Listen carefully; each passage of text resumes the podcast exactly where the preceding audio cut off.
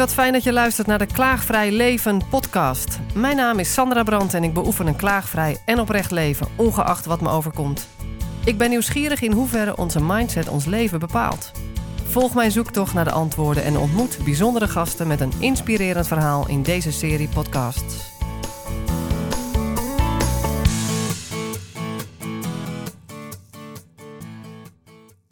Ik ben Bart, Bart Heling. Ik ben leerkracht in het speciaal onderwijs, cluster 4 onderwijs. En ik begeleid kinderen die voormalig thuis zitten waren in een zogenaamde SO Plus klas. Dat doe ik samen met een ambulant hulpverlener van de jeugdhulpverlening, Jorneo. En daar zijn we anderhalf jaar geleden mee gestart. En dat is een groot succes. We hebben al heel wat kinderen door kunnen verwijzen, kunnen plaatsen op een plek waar zij meer tot ontwikkeling kunnen komen. En dan te bedenken dat ze voorheen thuis zaten. Ik ben ook dezelfde tijd eigenlijk begonnen met het schrijven van verhalen over deze leerlingen en over deze manier van werken. In eerste instantie met als doel om mensen wat meer um, beeld te geven van wat er allemaal achter het gedrag zit in het cluster 4 onderwijs, het cluster voor de ernstige gedragsproblemen. Uh, maar langzamerhand werd dat dus veel meer een kijkje in het speciaal onderwijs. En, uh, ja, dat is fantastisch om te volgen. En daar ken ik jou van, Bart. Als mhm. meester Bart op LinkedIn. Meester Bart. De meester Bart op LinkedIn. Ja. Ongelooflijk veel volgers, mensen die reageren. Uh, het is heel erg uit het leven gegrepen. Je, je, schrijft het prachtig. Je hebt het ook vormgegeven tot een boek. Mhm. Met als titel? De titel is Gewoon Speciaal. Wauw. Ja. En er staan um, ruim 100 praktijkvoorbeelden in. Het zijn van hele kleine gebeurtenissen die ik uitvergroot.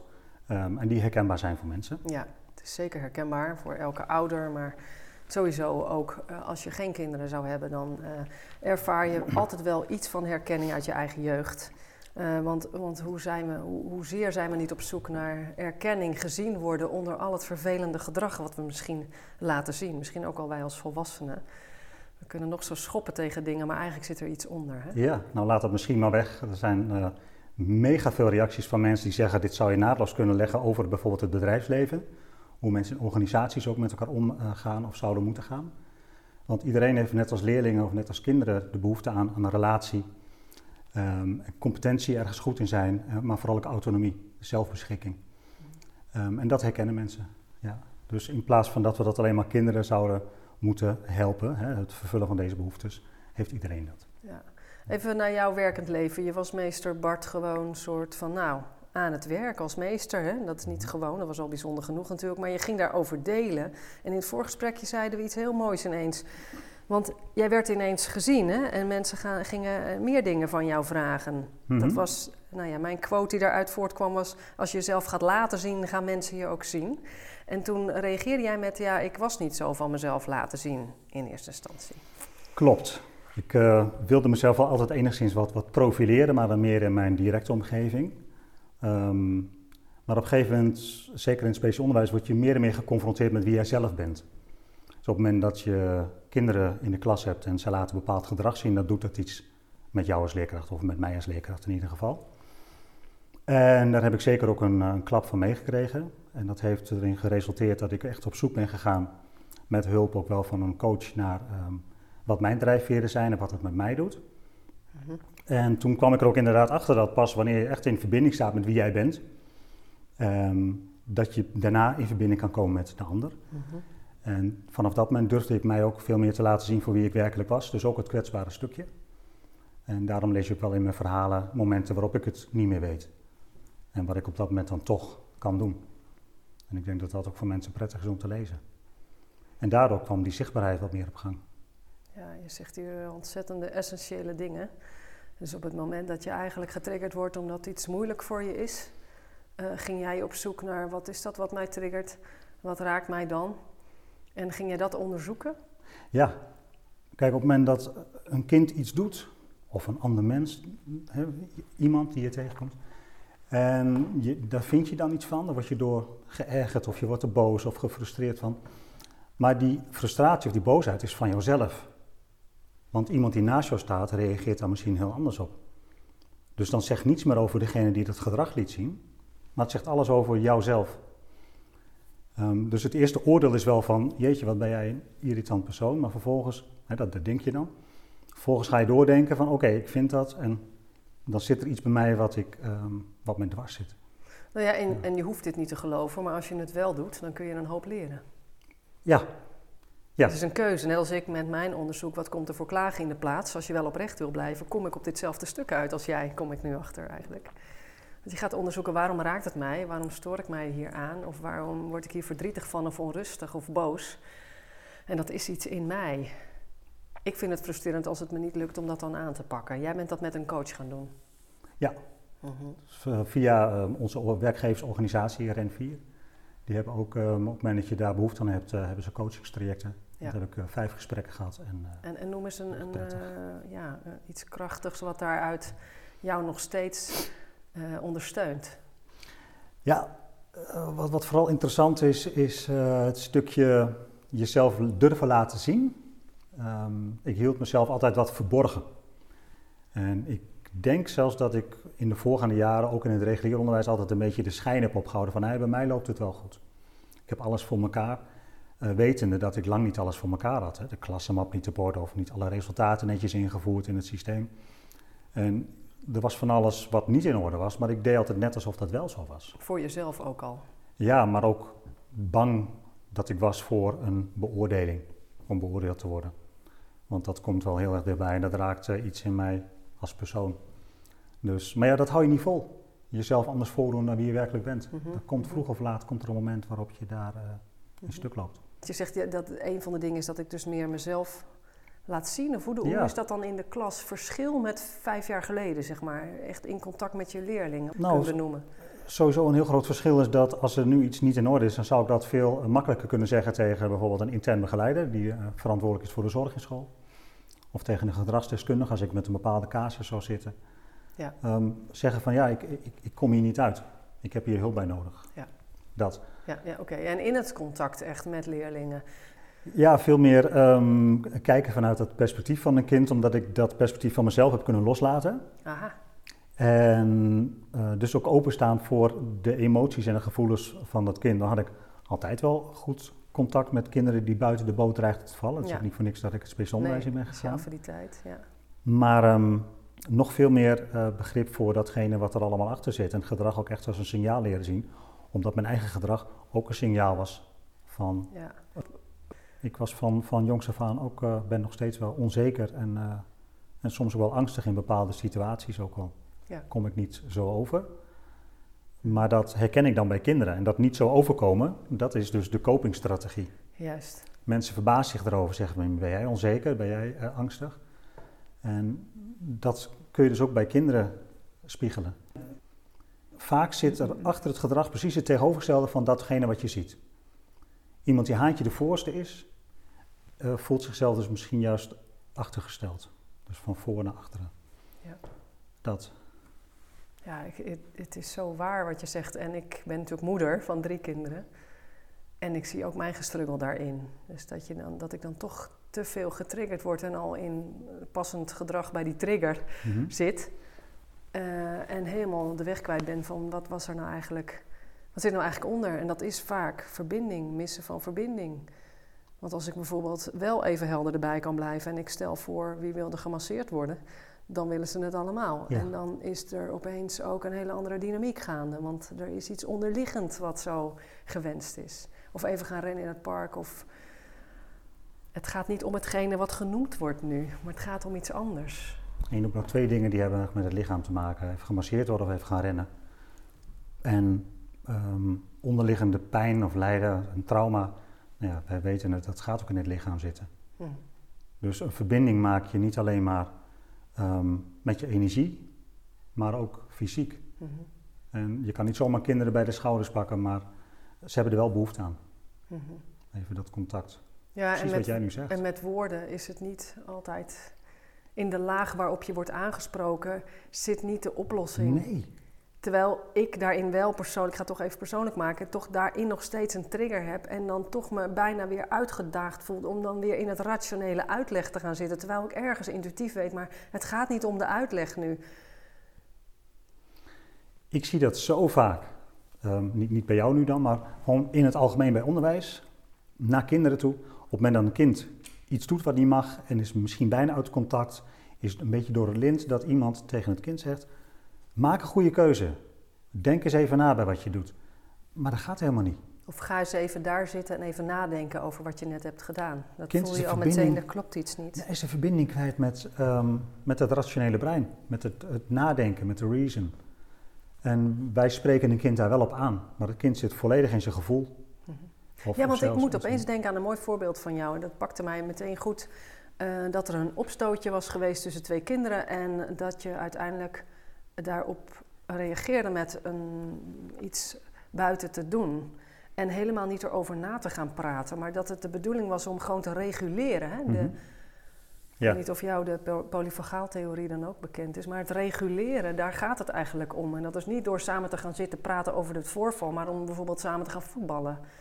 En die energie te kunnen laten stromen weer. Ja, en daarmee voorkom je ook dat het eh, sneller weer zal gaan gebeuren. Terwijl wanneer het gaat uitpraten, eh, een kind was er waarschijnlijk niet eens bewust bij dat het gebeurde. Dus dat is niet eerlijk om het te gaan uitpraten. Sterker nog, je haalt dan misschien het gevoel weer naar boven van, Ja, dat, eh, dat, ja, van, van dat moment. dat is wat ik verkeerd doe, zeg maar, als moeder. Dat ik er dan toch weer woorden aan ga geven. En dan zie ik dat ik het daarmee eigenlijk weer vererger of weer veroorzaak, zeg Mhm. maar. Ja, Eh, en jij zegt door er juist in de beweging iets anders te gaan doen als een soort afleiding. Maar eigenlijk is het niet eens het woord afleiding voldoende, denk ik, niet goed genoeg gekozen. Want het is focus zorgen, verleggen. eh, focus verleggen. Het is zorgen dat de energie kan stromen. Mhm. Eh, en jij zegt dat je daarmee juist eerder voorkomt dat het nog een keer gebeurt. Terwijl je als volwassene, rationeel opgeleide, opgevoede mensen denken dat we door erover te gaan praten gaan voorkomen Mhm. dat het de volgende keer weer gebeurt. Weet Ja. je wel? En dat is- om daarvan af te komen, het is wel blaffie lastig. Ja, want op het moment dat ik erover ga praten met een kind, dan praat ik vanuit hoe ik het zie. Ja, En niet van hoe het kind het ziet. Want als mijn collega met een kind gaat praten, wordt dat een ander gesprek. Daar kom je dus nooit uit. dan kom je niet uit. Nee. En dat is vanuit jouw idee dat je daarmee samen bewust gaat zorgen dat de volgende keer niet voorkomt. Maar dat klopt gewoon niet Klopt. eigenlijk. Want elke situatie is zo uniek, dus diezelfde situatie komt nooit meer voor. maar in sowieso een volgend komt geval gaat het weer anders. Ja, en hoe fijn is het als je allebei, want als ik ga masseren, vanuit frustratie toch kan kiezen, ja, we gaan even masseren, dan ontspan ik ook. Want Ja. als ik masseer, moet ik ook hier aanwezig zijn en ga ik ook uit die Verleg vecht. je en, focus. en, en dan ben ik die focus op het hier en nu. Ja. En het zijn. En of een spelletje doen, of rennen, of, of even weglopen. En dan kan je weer, ja, jij noemt het verleggen van focus, ja. Het is weer laten stromen, die hap. Ja. Met Ja. elkaar het liefst, toch? In ons voorgesprek, even in het begin, hadden we het over eh, zweverige termen. En eh, ik vind dan inderdaad laten stroom van de energie, vind ik dan, is in Ja. mijn beleving zweverig. Ja, ja, ja. Terwijl dat jouw taalgebruik is en jouw eh, gebied, zeg maar. En ik noem het dan weer focus verleggen, omdat het voor mij weer helderheid Ja. geeft. Ja, ik snap jou. Ja, grappig Ja. is dat, hè? Verleggen van focus is voor mij het te rationeel gekozen. Ik ben daar Mhm. heel erg mee aan het oefenen om echt de juiste woorden te vinden. Mhm. En het is leuk om, eh, om te horen waarvan uit kies je dan niet dat woord, maar wel dat. Ja, Wat taal ook met ons ja doet. Hè? taal doet veel. Hè? En je had het net over eh, woorden geven aan het gevoel of dan datgene wat er gebeurt. En er zijn natuurlijk ook situaties denkbaar waarin dat wel heel helpend kan zijn. Eh, het mentaliseren. Het moment waarop een kind eh, boos is of gefrustreerd is, maar nog wel in een soort van contact is. Ja, Ehm, en jij weet wat er eraan vooraf is gegaan, dat je dan zegt, hè, je bent nou boos, want dat snap ik ook, omdat dat en dat net ja, is gebeurd. ja, even erkennen. Zodat hij leert herkennen wat eraan vooraf is gegaan en welke emotie daarbij hoort. Maar ook bij blijdschap, hè? Tuurlijk ben je blij. Oh, ja. Je hebt net een uh, tractatie gekregen. Nou zo, en sommige kinderen leren dat dus thuis niet. En weten dus niet waar ze met de gevoelens heen moeten. En dan is het woorden geven aan gevoel. Ja, is eh, Wel heel fijn. Ik vind het ook heel fijn, mijn dochter, dat ze bijvoorbeeld kan zeggen... ik weet ook niet wat er met mij aan de hand is, maar ik ben ook gewoon moe en ik heb honger. Nou, dat is fantastisch dat ze dat kan zeggen. Dat is zo fijn, voor de groep ook, vind ik. Mhm. Ja. En, en daarin kinderen begeleiden, dat vind ik toch wel een rijkdom. Ja. Ja. ja, En sommigen worden gewoon echt helemaal verkeerd van het feit dat ze honger hebben. Hè? Die hebben gewoon en- energie letterlijk nodig vanuit voedsel. Nou ja, dat herkennen als volwassenen ook wel. Dat we wat zagrijniger worden of eerder. Eh, soms heb je niet eens door dat het daardoor komt. Ja. We hadden een leerling en daar had ik toen ook een keer een verhaaltje over geschreven. Die ging ook door het lint. Die was hartstikke boos en toen had hij in de pauze, ik wist ook niet meer wat ik met hem moest doen. Hij had ook geen eten bij zich, dus ik gaf hem een banaan. En een paar minuten daarna was het weer goed. ja, suikerdip. Ja, die had geen ontbijt gehad. Oh, die had geen ontbijt Nee. gehad ook. Oh my god, ja. Dus dan, dat was zo duidelijk en daar heb ik het met hem over op, gehad. Het ontstond. Bedenk ik van tevoren ook niet, hè? Nee. Nee. Nee, maar ik bedoel, kom er maar op. Oh, in die ochtend heb je dat ook niet door. Nee, klopt. Je gaat er, stom natuurlijk, vanuit dat kinderen hier met ontbijt komen. Ja, daar denk je niet aan. Nee, Dat moet je eerst meemaken. ja. Maar, maar kinderen komen hier vanuit zoveel verschillende situaties binnen. En Ja. elke dag weer anders. Ja, want jij krijgt kinderen binnen die al eh, op vier verschillende scholen geweest zijn, bij wijze van spreken. Ja. En ook thuis al een tijd zijn blijven zitten dan. Ja. Terwijl ze eigenlijk wel naar school willen of weten ze eigenlijk ook niet meer. Nou, Zijn ze een beetje het vertrouwen kwijt. ja, een, een beetje heel erg. En eh, je zou een willekeurige leerling uit deze klas kunnen vragen of hij naar school wil. Ja, misschien nu inmiddels wel, maar eigenlijk niet. Na al die teleurstellingen hoeft het niet meer. En dan, hè, ik had laatst een voorbeeld van een leerling. Zijn moeder belde 's morgens op, ik krijg hem niet uit bed. En hij zegt dat hij geen zin heeft. En dat heb ik vertaald in dat hij zegt dat het geen zin heeft. In plaats van dat hij geen zin heeft. Het heeft toch geen zin. En zo'n jongen is dan het vertrouwen gewoon kwijt in het onderwijs en is mij als, in mij als leerkracht. Waar doe ik het nog voor? Nou, en dat vraagt natuurlijk een heel eh, traject, een proces. Ja, die heb ik gelezen, ja. Dat was ook mooi. Inderdaad, elke keer eigenlijk met de uitlatingen eh, eronder kijken hè, wat jij doet. Dus dan ben, ben consequent iets eh, wat je doet. Ja, En wat je heel veel oplevert. En de kinderen Ja. ook natuurlijk. Ja, want niet alleen het gedrag wat ze fysiek laten zien, maar ook de dingen die gezegd worden zijn ook een signaal. Ja. Ja. Spullen smijten door de ruimte. Ja, dat is gewoon echt onmacht. Ja. Ja. En een kind dat met een kruk omhoog zo op je af komt lopen. Als je wegloopt, dan gooit hij hem echt. Maar als je naar het kind toe loopt, dan gooit je hem niet. Maar dan ga je dus echt in de line of fire. Ja. Ja. Ik moet denken aan een eh, oude vriendin van mij die in de psychiatrie werkte. En die kreeg eh, iemand op haar af met, eh, met een stok of zo. Hm? Toen bleef ze heel rustig staan. En toen zei ze zo, ga je slootje springen? En toen was de angel eruit. Nou, kom er maar op ook. Ja. ja. En dat is waar we het net ook over hadden. Als je voldoende in verbinding staat met wie jij zelf bent, dat je dat vertrouwen hebt en die kracht, dan blijf je staan. En dit is echt waardevol wat je zegt. Het gaat erom dat je er helemaal bent. Hè? Mhm. En als ik hier ben, bij deze leerlingen, dan ben ik er ook helemaal. Ja. En dan, dan is het kind ook beter verbonden. Ja, ja, Dat merk ik thuis ook. Dit is, dit is wel echt. Maar daarvoor moet je ook uitzonderlijk goed voor jezelf zorgen om er helemaal te zijn. Hè? Hoe doe jij dat? Hoe zorg jij goed voor jezelf? bijna goed genoeg voor mezelf. Ik eh, slaap tekort. En ik heb eh, ja, gewoon een druk bestaan. En ik wil s'avonds later nog wel eens eventjes gaan zitten. Maar dan ja, lig ik soms, of soms, regelmatig na 12 op bed. Maar voor 6 uur gaat mijn wekker. Dat is te kort. Ja. Dat is tekort. Maar voor de rest eh, zorg ik goed voor mezelf. Ik eh, Ja. beweeg veel, ik sport, eet gezond. En ehm, alle activiteiten die ik doe en ook de dingen die ik moet doen, die heb ik omgedraaid in zoverre dat ik ze voor mezelf leuk heb gemaakt. Ik eh, ga door de week altijd s'avonds naar mijn dochter, omdat zij wel op zichzelf woont, maar nog wel onze zorg nodig heeft. Maak altijd speciaal eten voor haar klaar, wat veganistisch en biologisch eh, moet zijn. En dan zou je kunnen zeggen, jeetje, wat een opgave, hè? elke avond daar naartoe rijden. Maar dan eh, luister ik bijvoorbeeld eh, nieuwe muziek. Ehm, zoek ik op en dan stream ik een nieuw album van Marillion of noem maar even iets. Nou, dat is geen nieuw album, maar voor mij nieuw. En dan maak ik het op die manier leuk. Of ik ga met haar even een stukje wandelen. En dan luisteren naar vogels. En ik heb zo'n Bird-app, dus dan kan ik ook scannen welke vogel het is. Dus dan op die manier heb ik heel veel vogels leren herkennen. Nou, die ken ik dat voorheen is niet. superleuk. Dus van elke situatie die je moet doen, maak je iets wat je wil doen. Ja, vet. Ja, Ja. begrijp ik. Maar daarvoor moet je dus wel ook bewust zijn van... hé, hey, wat ben ik aan het doen? Ben ik iets aan het doen met het gevoel het moet? Of zit ik in de flow? En als het met het gevoel van ik moet... nee, dan mag het misschien anders. Zeker. En hoe zou het dan wel Ja. worden dat het in de flow blijft? Ja, mooi. Kijk, en iemand anders die zegt van nou, jeetje, wat heb jij druk. En die zit s'avonds bijvoorbeeld ehm, op Netflix, Ja. series te bingen. Is ook gaaf. Ehm, maar ja, ik eh, vind zelf dat ik nu iets heel zinvols aan het doen Ja, ben. ja. En en sinds, jij je meer, sinds jij je meer hebt laten zien... en ook op LinkedIn... ben je ook wel gespot en ben je ook gezien. Word je meer gezien... En, en Ja. ben je niet meer alleen meester Bart. Nee, naast deze klas en het boek zit ik nu ook in een adviesorgaan hier in de regio. Samen met samenwerkingsverband, de cluster 3 scholen, cluster 4 scholen, sociale teams, leerplichtambtenaar, eh, de jeugdzorg. En met elkaar zitten we dan in een team en behandelen we individuele kindcasussen hier uit de regio. En het mooie daarvan is, dat gaat om casussen van kinderen die dreigen uit te vallen. Mhm. Van een reguliere school of een andere kinderopvang waar ze zitten. En met alle expertise bij elkaar kunnen we dan advies uitbrengen. En een soort van bindend advies ook, hè? want ja, het DOA, het domeinoverstijgend analyseteam, heeft daar met elkaar over nagedacht. En die richting gaan we op. Ook ouders hebben daarin een stem, dus die komen ook aan, aan het woord. En, ehm, Intensief. ja, intensief, maar super gaaf. En vol op de preventieve kant gericht, Ja. zodat kinderen niet thuis komen te zitten. Klopt. Dus hier in de klas, dat noemen we de achterkant, kinderen die al uitgevallen zijn. Maar in dat DOA zit ik dus aan de voorkant mee te helpen om te voorkomen dat mijn klas nodig is. Ja.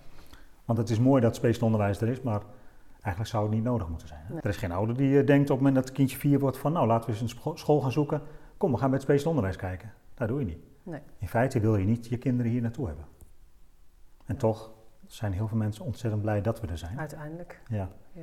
Gezien alles wat er gebeurt. Is het voor jou zo in balans, zo wat je doet? Qua inhoudelijke dingen die je doet? Ja, fantastisch. Kan je helemaal je ei kwijt? Och joh, echt niet normaal. Ik, ik voel mij dus ook echt belangrijk in wat ik doe. Mhm. Ja, en dat is heel gaaf. Dat is een soort van flow en daar zit ik al een hele tijd in. Dus jouw kennis en aandacht en ervaring is nodig en wordt gezien. Ja, Ja, vet. en niet iedereen onderschrijft de manier waarop ik werk. Mhm. Nou, dat is vaak zo. Als je authentiek bent en je maakt verschil, dan wordt per definitie het niet onderschreven door Nee. iedereen.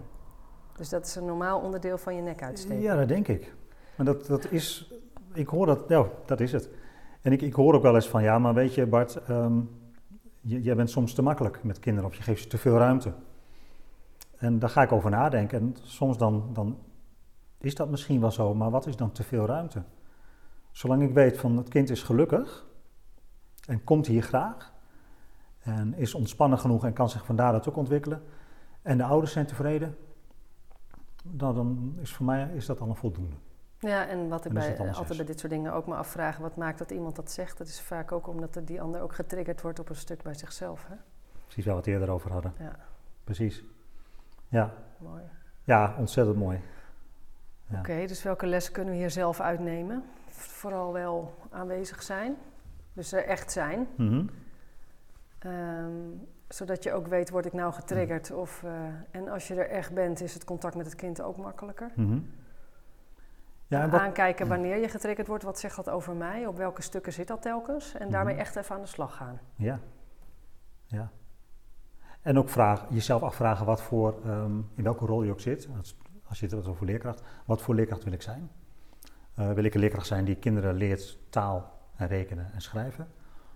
Of wil ik juist een leerkracht zijn die ehm, inzet op de relatie? Competentiebevordering, autonomiesturing. Mooi. Kun je best over nadenken. Zeker. En zou je echt willen gaan voor taal, En rekenen? dan ga je en- verschil maken. Ja, dan maak je verschil. Maar dan maak je ook een bewuste keuze in, in jouw rol daarbij. Mhm. En misschien maak je breng je helemaal je voor beide. in, hè? Dan breng je je eigen unieke mensstuk in. Ja. ja. Op de Pabo leer je natuurlijk taal, rekenen, spelling geven. Maar dat is niet jouw unieke mensstuk. Nee. Nee, helemaal niet. Is regels volgen en eh, Precies. schema's volgen. En, Ja. Vooral wat er van jou verwacht wordt ja, door... en De dan vervolgens maatschappij bang voor de oordelen, voor de, voor de eventuele eh, functieomscha- eh, functiebesprekingen weer. En, maar daar ben jij uitgestapt, dus je bent je mensstuk gaan onderzoeken en dat gaan inbrengen. En gaan Mhm. kiezen voor de competentie en de verbinding. Klopt helemaal. En dat is meer vervullend. Maar ja, daarmee krijg je dus ook misschien collega's of anderen die, die daar wel een mening over hebben. Daar heb je ook mee om te gaan. Maar het leuke is dat ik daar met de collega's ook daadwerkelijk in gesprek over ben. En we hebben een heel fijn team binnen onze school, de Aventurijn. Aventurijn. En wij reflecteren er met elkaar ook op. Mooi. En praten er met elkaar over. En collega's durven dat ook gewoon te zeggen. Ja, maar bij jou eh, mogen ze heel veel. Of eh, jij geeft ze eh, misschien wat te veel ruimte. En tegen die andere collega's zeg ik weer van, maar jij legt de nadruk voor- in mijn gevoel veel te veel op het moeten werken. Het moeten afmaken van Ja. hun lesje.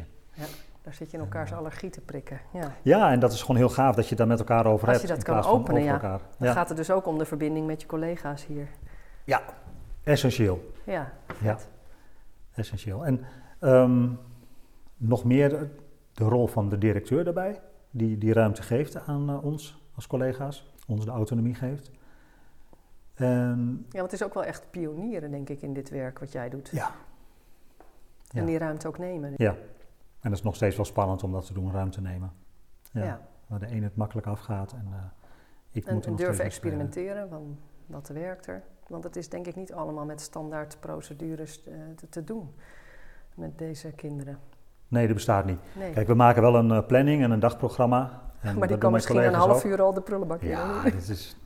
En ik heb één, eh, nee, ik heb meerdere collega's, maar ze zijn allemaal heel goed.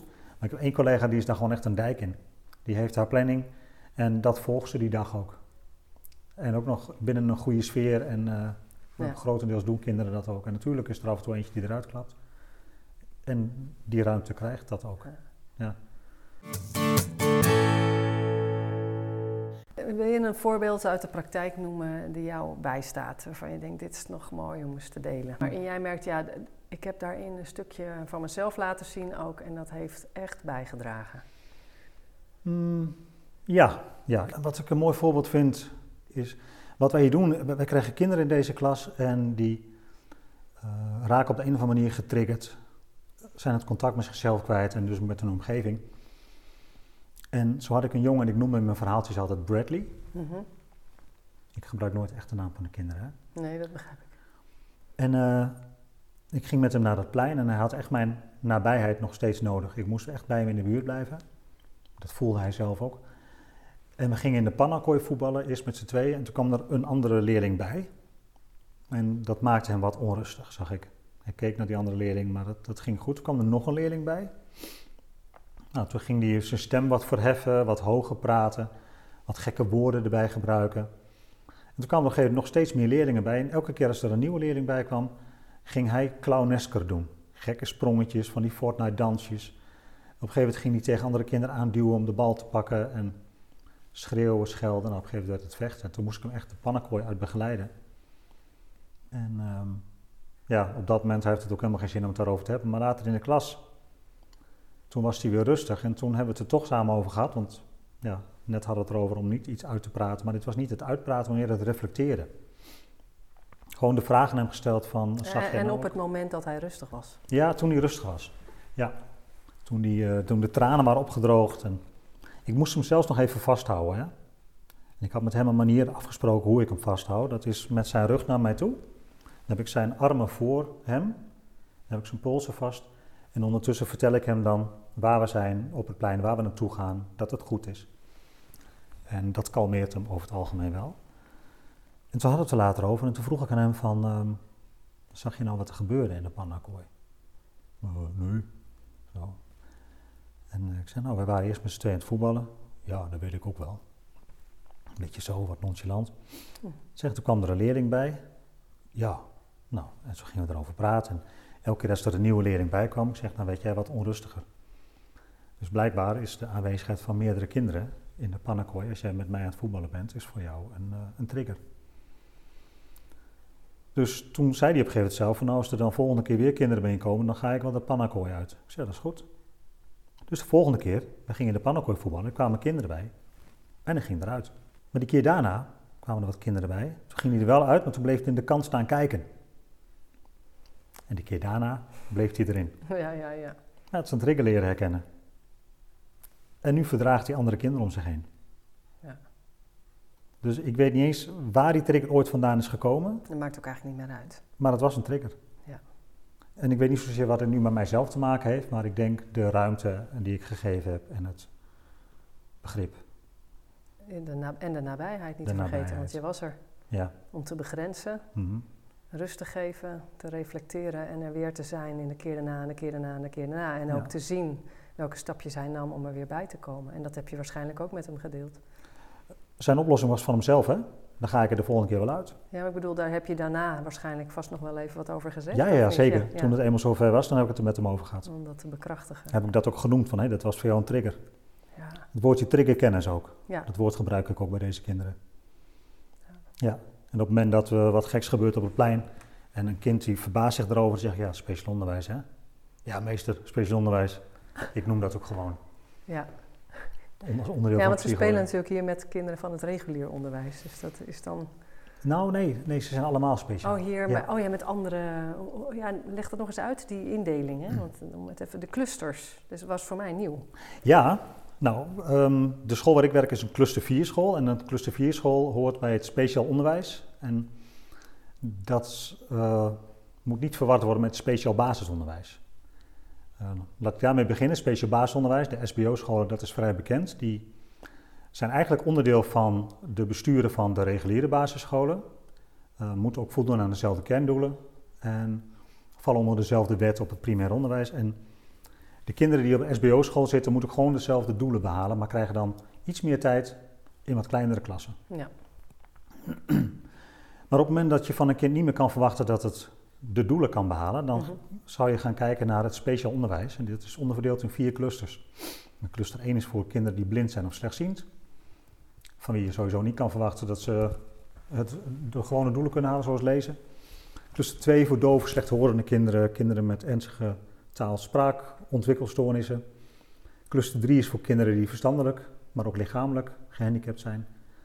En cluster 4, waar ik werk, is voor kinderen met ernstige gedragsproblemen en psychiatrische problematiek. Die eigenlijk niet onder de eerste drie vallen. Klopt. Alles zit dan verder in vier. Ja, en wat maakt dat jij affiniteit hebt met deze groep? Want dat had je al, zei je. Ja, ik heb uh, jarenlang in het reguliere onderwijs gewerkt. Mhm. Gewoon als meester Bart.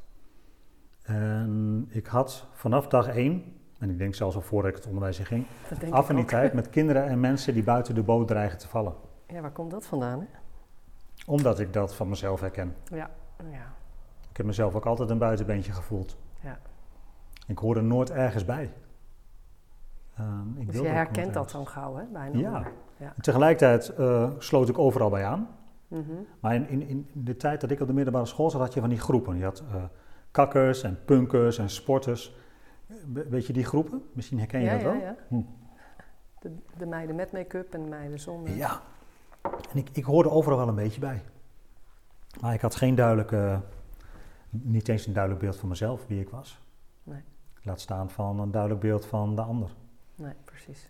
En, dus daar is het begonnen eigenlijk? Ja, echt bijna niet in verbinding met mezelf. Voor volledig buiten verbinding zelfs. Altijd voldoen aan een plaatje waarvan ik dacht dat het algemeen geaccepteerd was. Dat geldt misschien voor de rest ook, die wel bij een groep hoort. Wellicht. Mm Ja. Oké, maar daar kwamen jouw affiniteiten wel mee ja, Ja, en toen ik in het regulier onderwijs uh, terecht kwam, toen, toen zag ik dat dus bij kinderen van... Ja. Je ziet het niet eens in woorden, je voelt het. Ja. Aan bepaald gedrag en het buiten de groep staan. En mijn eerste opdracht was altijd om de groep bij elkaar te hebben, om iedereen erbij te laten horen. Mm. En kinderen die afwijkend gedrag vertoonden, ik noemde dat normaliseren, want in elke groep is een bepaalde norm, mhm. waar het woordje normaal vandaan komt.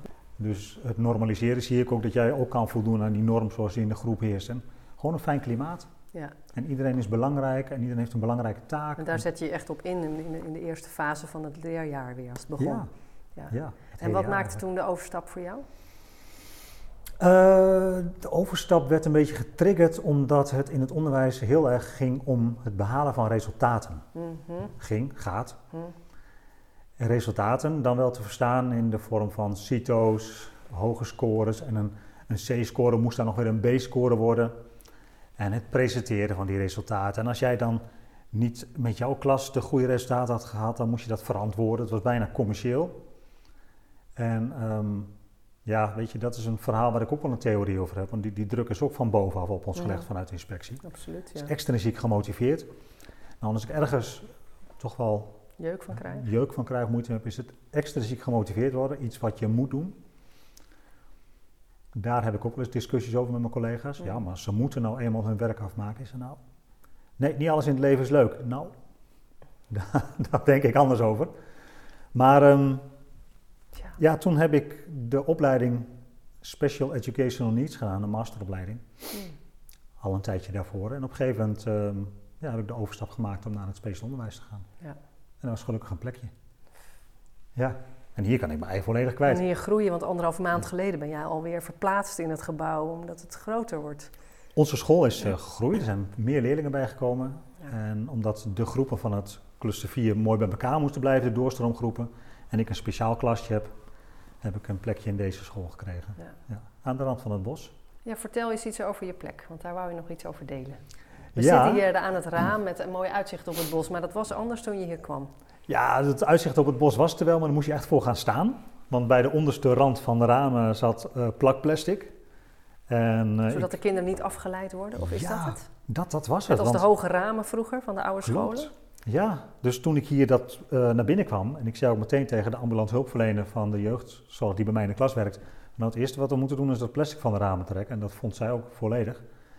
Um, dus dat plastic hebben we eraf getrokken, een leerling heeft zelfs nog meegeholpen. Met liefde waarschijnlijk. Met liefde. En er komen wel eens collega's bij die zeggen van ja, maar ben je niet bang dat, uh, dat kinderen dan naar buiten kijken? Ik zeg ja, zeker. Dat moet ook.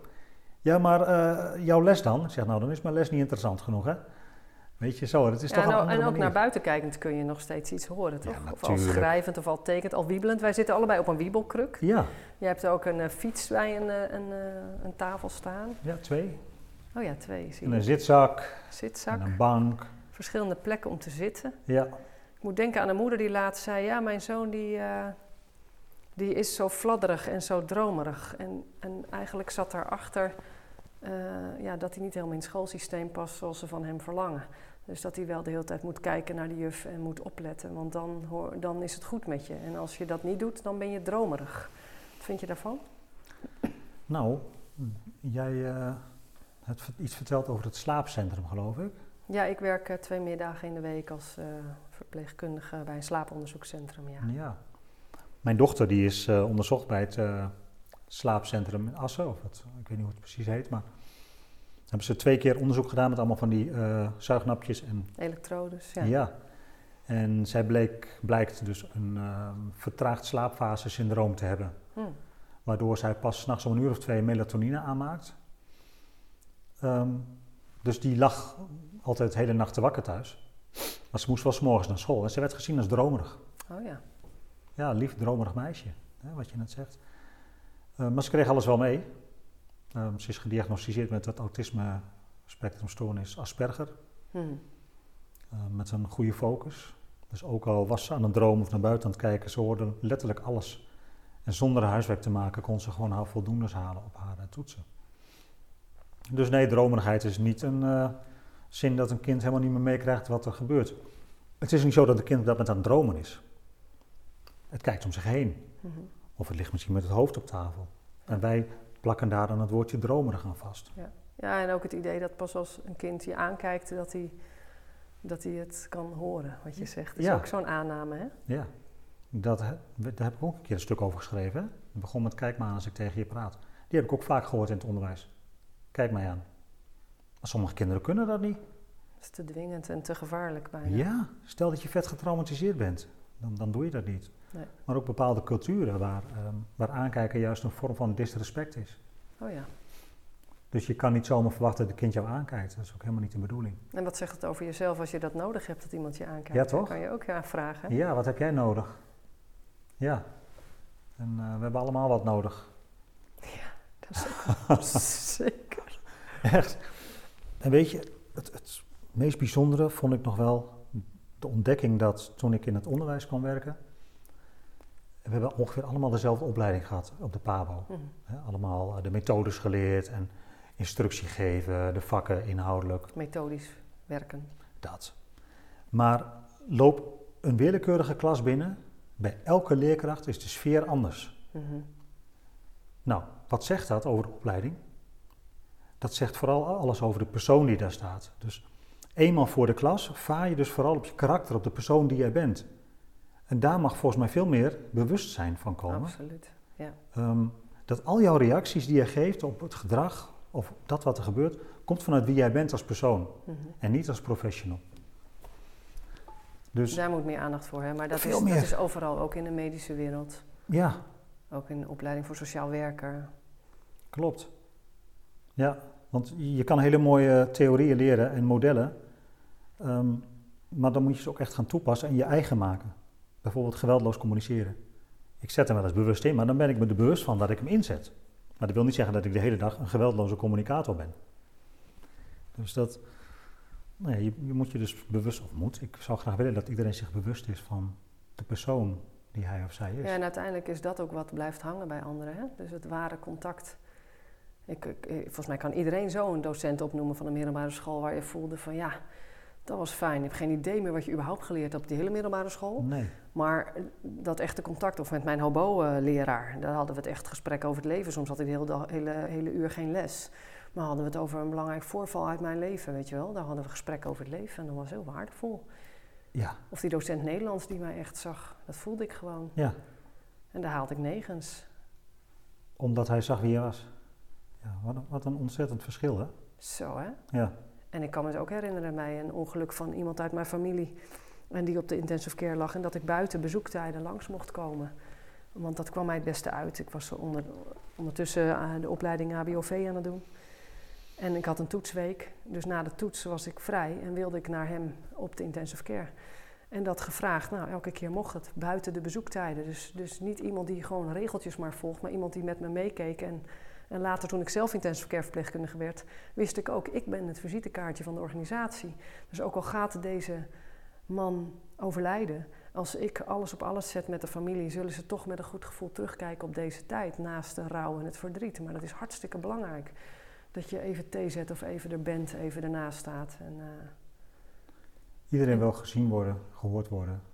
En, en niet per definitie die regeltjes dan volgen. Nee. Ik heb ook wel eens een arts wakker gebeld, s morgens vroeg in de nachtdienst, van joh, ze hebben nog hoop, maar er is al lang geen hoop meer. Die hersendruk is veel te hoog. Mhm. Zou je willen komen om dit gesprek aan te gaan? En dat hij gekomen is en dat wij daar met de familie hebben gezeten en, en het echte, echte verhaal verteld hebben. En Ja. dat was heel belangrijk op dat moment. Ja. Mensen zitten dan op dat moment zo hoog in hun emotie. Ja, Dan hebben ze je nodig. ja, precies. En kun je dan voorbij alle regels voelen wat is er nu nodig en kun je daar naartoe. En dat betekent kop uitsteken en de moed pakken om het te doen. Ik denk dat we dat dus helemaal in deze tijd moeten. Moet, ja. Heel mooi hè? Ja. Wat wordt je volgende mooie stuk op LinkedIn? Misschien wel over. ehm, ik liep net voordat jij kwam hier door het bos. Want ik heb eh, mijn hond bij me, maar die ligt nu even lekker te slapen. En eh, er zijn best wel veel bomen die omgevallen zijn. Hè? Ja. Echt enorm veel. Hmm. Het weekend na die storm ben ik gaan mountainbiken. Toen heb ik gewoon hele horizontale stukken bos gezien in Midden-Drenthe. Hele horizontale stukjes bos. Moest ik gewoon echt eh, helemaal eh, doorheen wandelen. En dat heeft me aan het denken gezet. Ehm, Hmm. ik schrijf wel eens in mijn stukjes van eh, zie het proces in plaats van het moment. Ja, mooi. Pak Want vaak als je op een willekeurig moment bij me binnenkomt en dan zie je die kinderen en denk je Ja. van ja, wat ben jij hier aan het doen? Maar als ik dan vertel van nee, maar kijk, een maand geleden was het nog zus en nu is het al zo. Ja, Dat is een proces. ja, mooi. In het bos zijn eh, bomen in de afgelopen jaren met die droogte heel erg verzwakt geraakt. En die storm van een ma- maand of zo geleden, dat was een moment. Dat was een storm. Een aantal bomen is daarbij omgewaaid.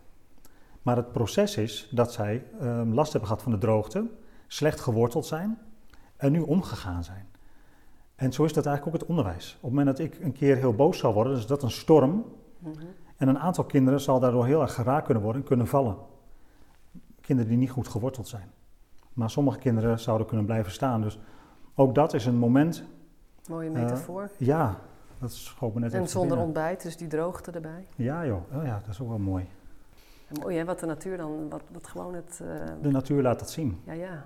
Dus wij kijken alleen maar naar die storm en naar dat moment van nou, die storm heeft heel veel schade veroorzaakt. Maar de boswachters en, en de mensen die er echt oog voor hebben, die kijken verder. Zeggen van ja, maar eh, Het geeft mij ook wat Ja, troost als moeder voor de volgende keer dat er iets niet lekker loopt met de kinderen. Dat ik weet, oh ja, het is een proces, dit is een moment. mhm, Maar, maar er zit een proces in. ja, Dat is, dat is een mooie afsluiter, vind ik. ja, Dat vind is ik mooi, ook. die pak ik mee. Dankjewel. Wat neem jij mee?